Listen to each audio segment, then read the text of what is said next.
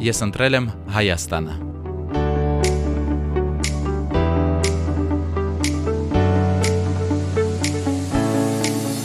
Աշխարի տարբեր անկյուններում բնակվող հայերը հզոր ուժ են Հայաստանի համար։ Հայրենիքում ապրելը, զբոսաշրջիկից Հայաստանի քաղաքացի դառնալը նրանցից շատերի երազանքն է։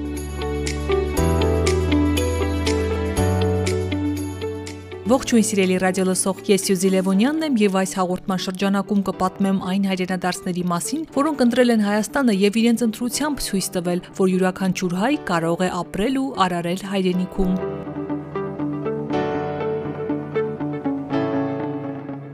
Մոսկվայում ապրելիս հայի տեսակը պահպանել եմ։ Ես միշտ ցանկացել եմ վերադառնալ եւ միշտ իմ պայուսակի մեջ եղել է հայրենիքին նվիրված բանաստեղծություններ գրել եմ միշտ ռուսերեն, անգլերեն եւ հայերեն սկսել եմ գրել 44 օրյա պատերազմի ընթացքում եւ դրանից հետո ժողովածուն Լեովին նվիրված է հայրենիքին, այնտեղ նկարագրում եմ պատմական դրվագներ հայրենիք անկախ նրանից ներսում ենք թե դրսում։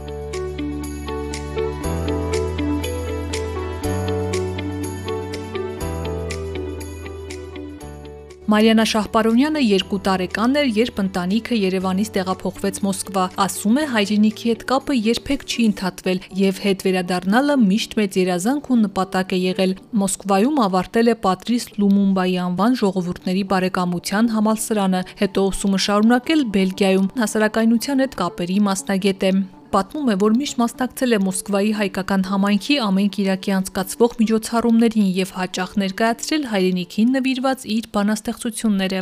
2010 թվականին ենք տեղափոխվել Հայաստան իմ ընտանիքիս հետ միասին։ Դա եղել է իմ հայրիկի որոշումը, որը մենք միաձայն ընդունել ենք եւ մեծ սիրով եւ կարոտը սրտներում տեղափոխվել ենք հայրենիք եւ չենք փոշմանել այդ կարեւոր որոշման համար։ Ես միշտ ցանկացել եմ վերադառնալ եւ միշտ իմ պայուսակի մեջ եղել է երագույնը եւ ամենահարմար եւ անհարմար պահերին ես հանել եմ պայուսակիցս, օրինակ Էֆելյան աշտար նկարակի տակ ունեմ նկար կոլիզեումի տակ ունեմ եւ այդպես այսինքն ես իմ ինքնությունը երբեք չեմ կորցրել եւ փորձել եմ միշտ անել հայրենասեր աշխարհի ցանկացած կետում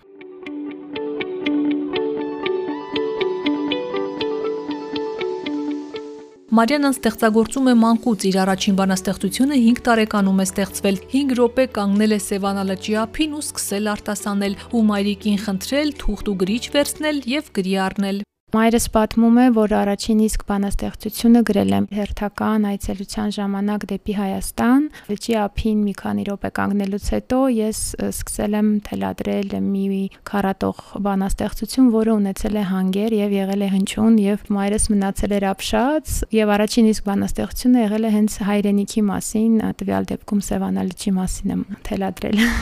Իսկ հիմա հիշում եք, հա, ինչ ստեղծագործություն է։ Ցավոք սրտի չեմ հիշում եւ չի պահպանվել նրա գրածը, բայց կարող եմ ասել, որ դա եղել է ռուսերեն, քանի որ այն ժամանակ իմ հիմնական լեզուն ցավոք սրտի եղել է ռուսերենը։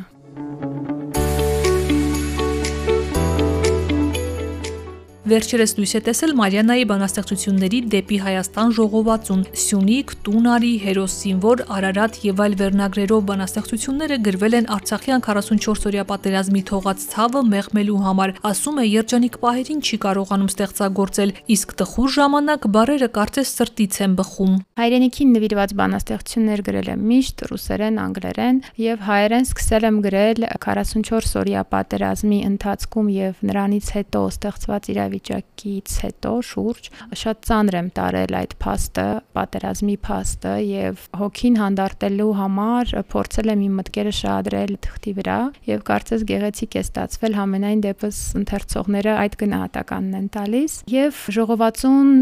Լեովին նվիրված է հայրենիքին, այնտեղ նկարագրում եմ պատմական դրվագներ, երազանքներ, գեղեցիկ բնությունը մեր, մարզերին եմ անդրադառնում այդպես։ Դեպի Հայաստան խորագրով եւ բովանդակությունը համապատասխան է։ Բանաստեղծություններից երկուսը այն Սյունիք եւ Թալանված երազանքը թարգմանվել է 7 լեզվով՝ ռուսերեն, անգլերեն, ֆրանսերեն թարգմանել եմ ինքնուրույն կամ կարելի ասել գրել եմ ինքնուրույն, քանի որ հանգավորված են, եւ նիդերլանդերեն, հունարեն, գերմաներեն եւ իտալերեն թարգմանվել է այլոց օգնությամբ։ Մեծ հպարտությամբ ուզում եմ նշել, որ նիդերլանդերենը թարգմանել է մեծ բանաստեղծ Եղիշե Չարենցի ծորնուհին Նանե Ջերահյանը եւ արտակարգ թարգմանում է եւս հանգավորված։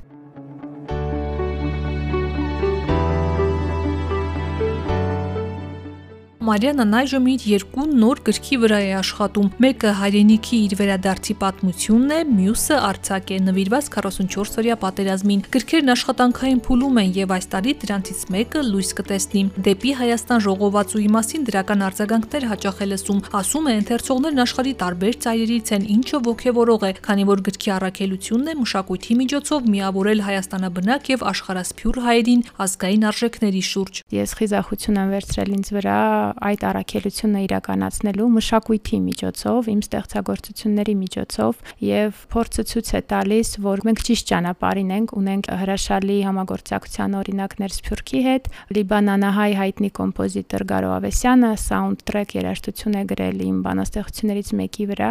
մյուս Աթենքում Հունաստանում հայտնի կոմպոզիտոր Միհրան Չալիկյան եւս Սյունիք բանաստեղծության համար է գրել եւ այդպիսի առաջարկներ ես շատ եմ ստանում, շատ եմ ստանում նամակներ աշխարհաս սփյուր հայությունից մի նամակ եմ ստացել, որից հետո հուզվել եմ, կարելի է ասել արտասվել եմ։ Դա եղել է Հալեպից մի հոգևորական, ով երախտանքի խոսքեր է ուղել ինձ եւ գովեստի խոսքեր շրայլել իմ բանաստեղծություններին։ Եվ ունենք կարելի է ասել մեծ հպարտությամբ Սփյուռքում ունենք շատ դրական արձագանք իմ գործունեության հետ կապված Հունաստանում ազատ օր, Արգենտինայում Դիարո Արմենիա եւ այդպես շարունակ այդ լրատվականները անդրադառնում են եւ ես կարծում եմ դա շարունակական բնույթ կկրի ունեմ նամակներ եւ առաջարկներ։